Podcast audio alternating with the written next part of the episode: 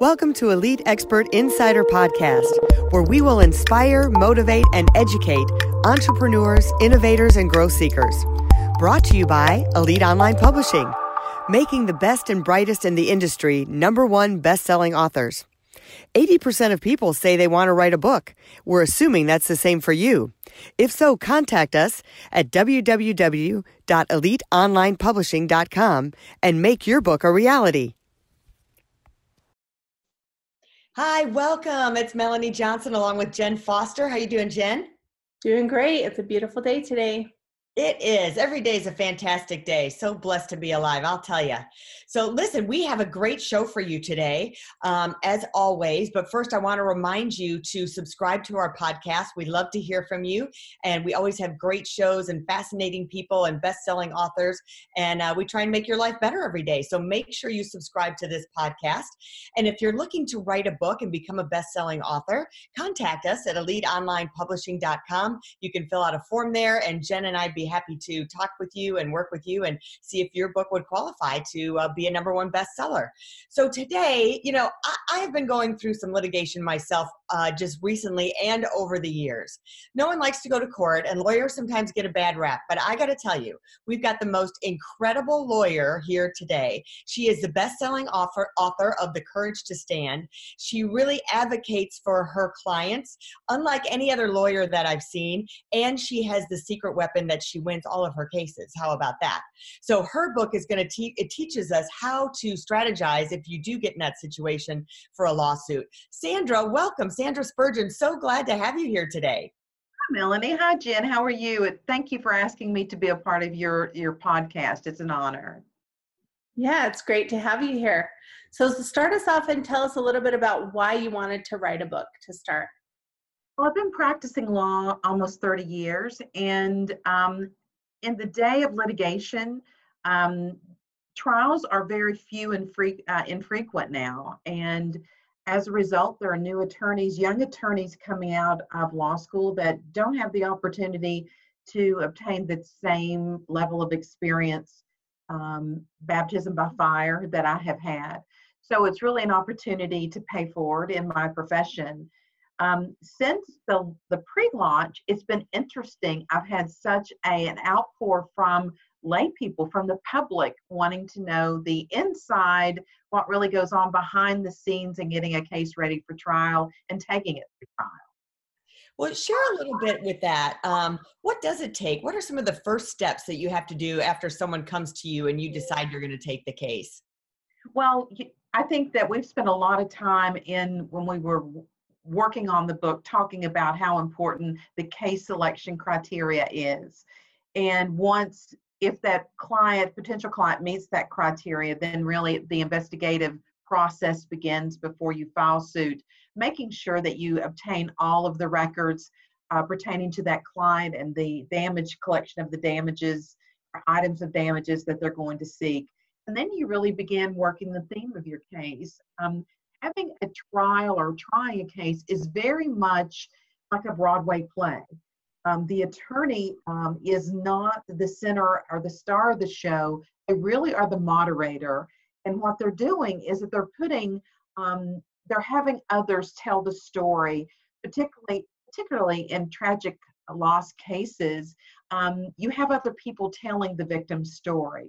And so you're orchestrating, you're putting it together, you're the producer, you're putting the pieces together, the witnesses together, who fits what element, of whether it be proving the actual uh, element that you need to prove to sustain the, the tort that you're trying to prove, products liability, medical malpractice. Um, all of these are usually torts and damages. So it's really a blend of putting on lay witnesses and then your experts and making sure that everyone's streamlined and ready to tell their story. That's great. So tell us, so um, you came to us with this book, which I thought was fabulous, and tell us a little bit about the response that you've had. Well, as I said, you know, I wrote it initially. I wanted to go into launch my consulting career um, because I think that when I, you know, when you tell people that you've tried, you know, over 120 cases, uh, it's really rare in this day and age, and to actually get it through verdict um, and then withstand the appeal 100% of the time as well. And so um, people started talking to me, colleagues, about what you do, how you do it, what is your secret. And it's so funny because trial attorneys, we are all very sort of withdrawn or very sort of quiet outside of the courtroom about our techniques. And it really is a shame because I felt like you needed to share it with the world. You need to share it with young attorneys and to show them how it's done. And so as I began, as we began the pre-launch, um, I think the first Facebook Live that I had, I had thousands of inquiries from people, not necessarily with legal problems, but wanting to know how do you select a jury? What's the criteria? What do you do behind the scenes to try to get to know these people before you come in the courtroom? Um, how do you make sure that everything's organized and ready to go and what how do you how do you handle so many pieces of paper and how do you know how to put the case together? And so it's really a pleasure because i really it's very it's something i've done for almost 30 years thrown in the backwoods of eastern kentucky trying these cases. At the time it really felt like life or death at times um, you know and trying to struggle through and get the verdict in cases in jurisdictions where it was hard to get the verdict that you wanted or to get the decision that you thought was right and to be able to do that you know it was just very elementary it's very secondhand to me and when i start when others ask questions i really realize how honored i am to have all the experience um, of all of those baptism by fires um, type cases that i've tried and now as i've advanced my career to catastrophic type losses all of that just has uh, been a beautiful experience for me to be able to help others, but also now to be able to teach others how to do it in the courtroom. I think that's wonderful that you're leaving that legacy and sharing that with the world. And you mentioned before about lawyers not really sharing that information. Is that because of competition? What is it? What is that about? Do you know? You know, I, I had always said, "Oh, I try to fly under the radar."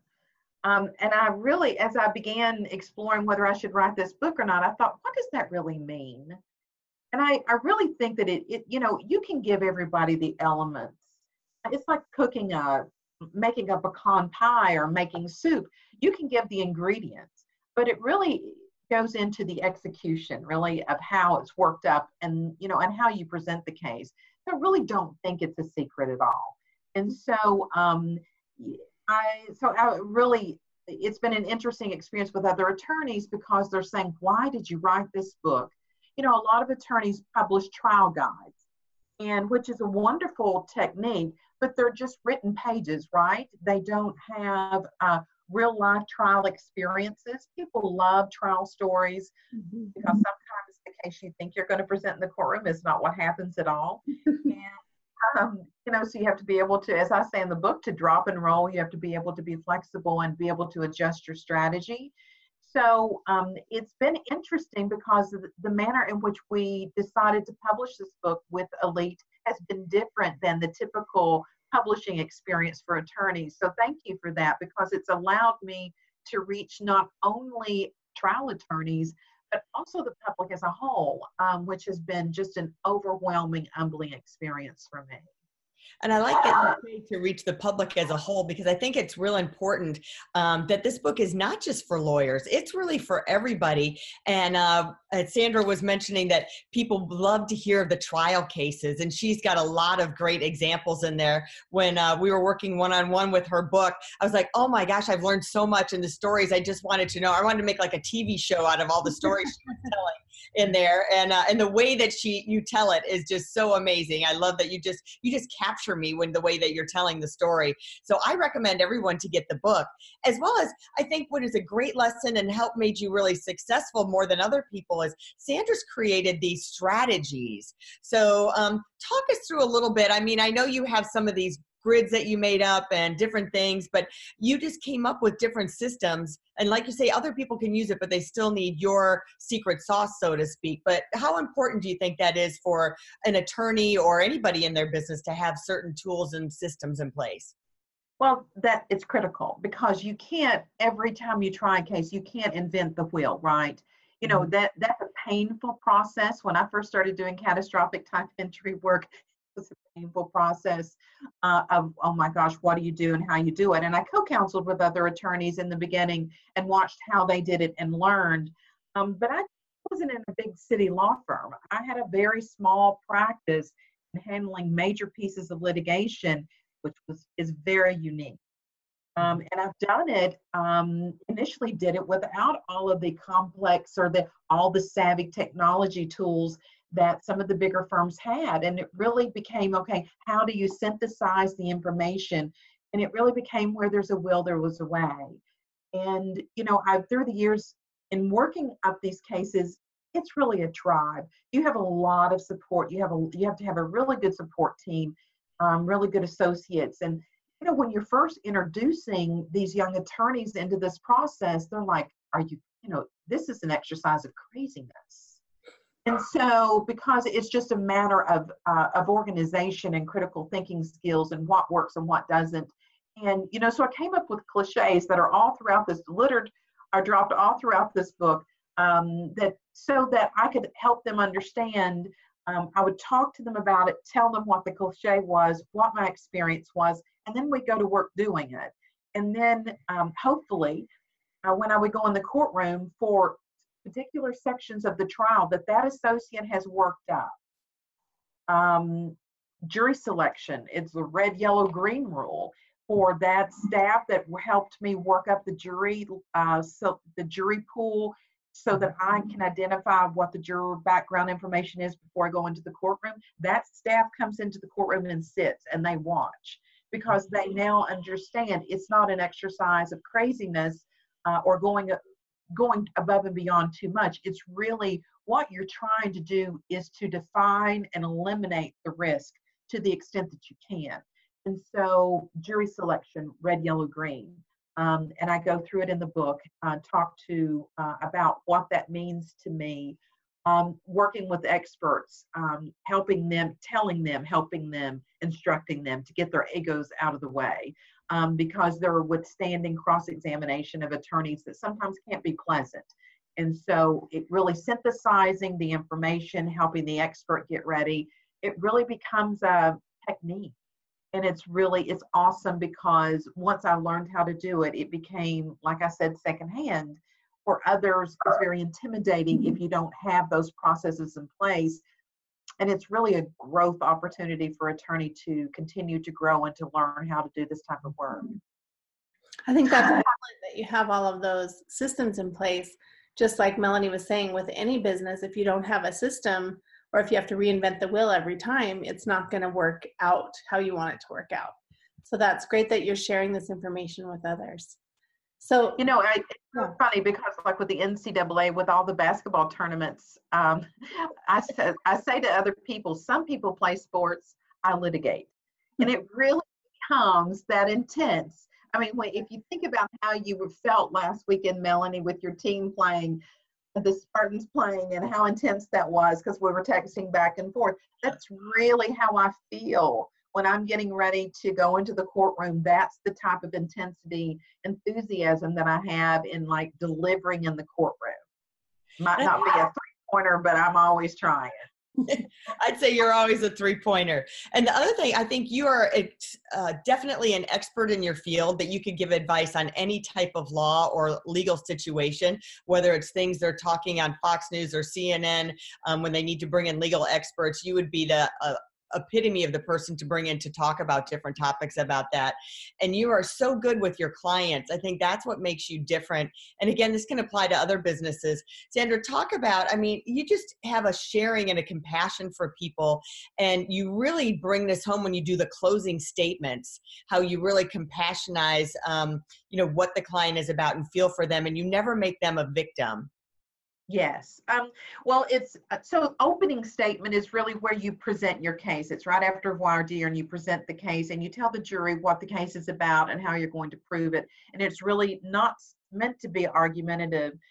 And so, as the moderator during the trial, you know, you become very, um, you make, this focus should not be on you. You're really in the background, um, having others tell the story and then you know the closing argument is really the opportunity to bring to the jury your message of what you what you brought to them to hear what the meaning of what they heard was and how that translate to da- translates to damages and mm. you know the people that have had the opportunity to represent their lives have been forever changed and so giving a voice to those people who don't have a voice otherwise um, who really didn't want a lawyer. They don't they didn't really want to be in the courtroom. They don't they didn't want a litigation. They don't want to be a, a litigant.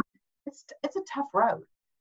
And so mm-hmm. to be able to give a voice to those people, to provide them protection in the courtroom while we're proving that case and to be that voice for them has been it's been very rewarding to me, more than more than money could ever bring.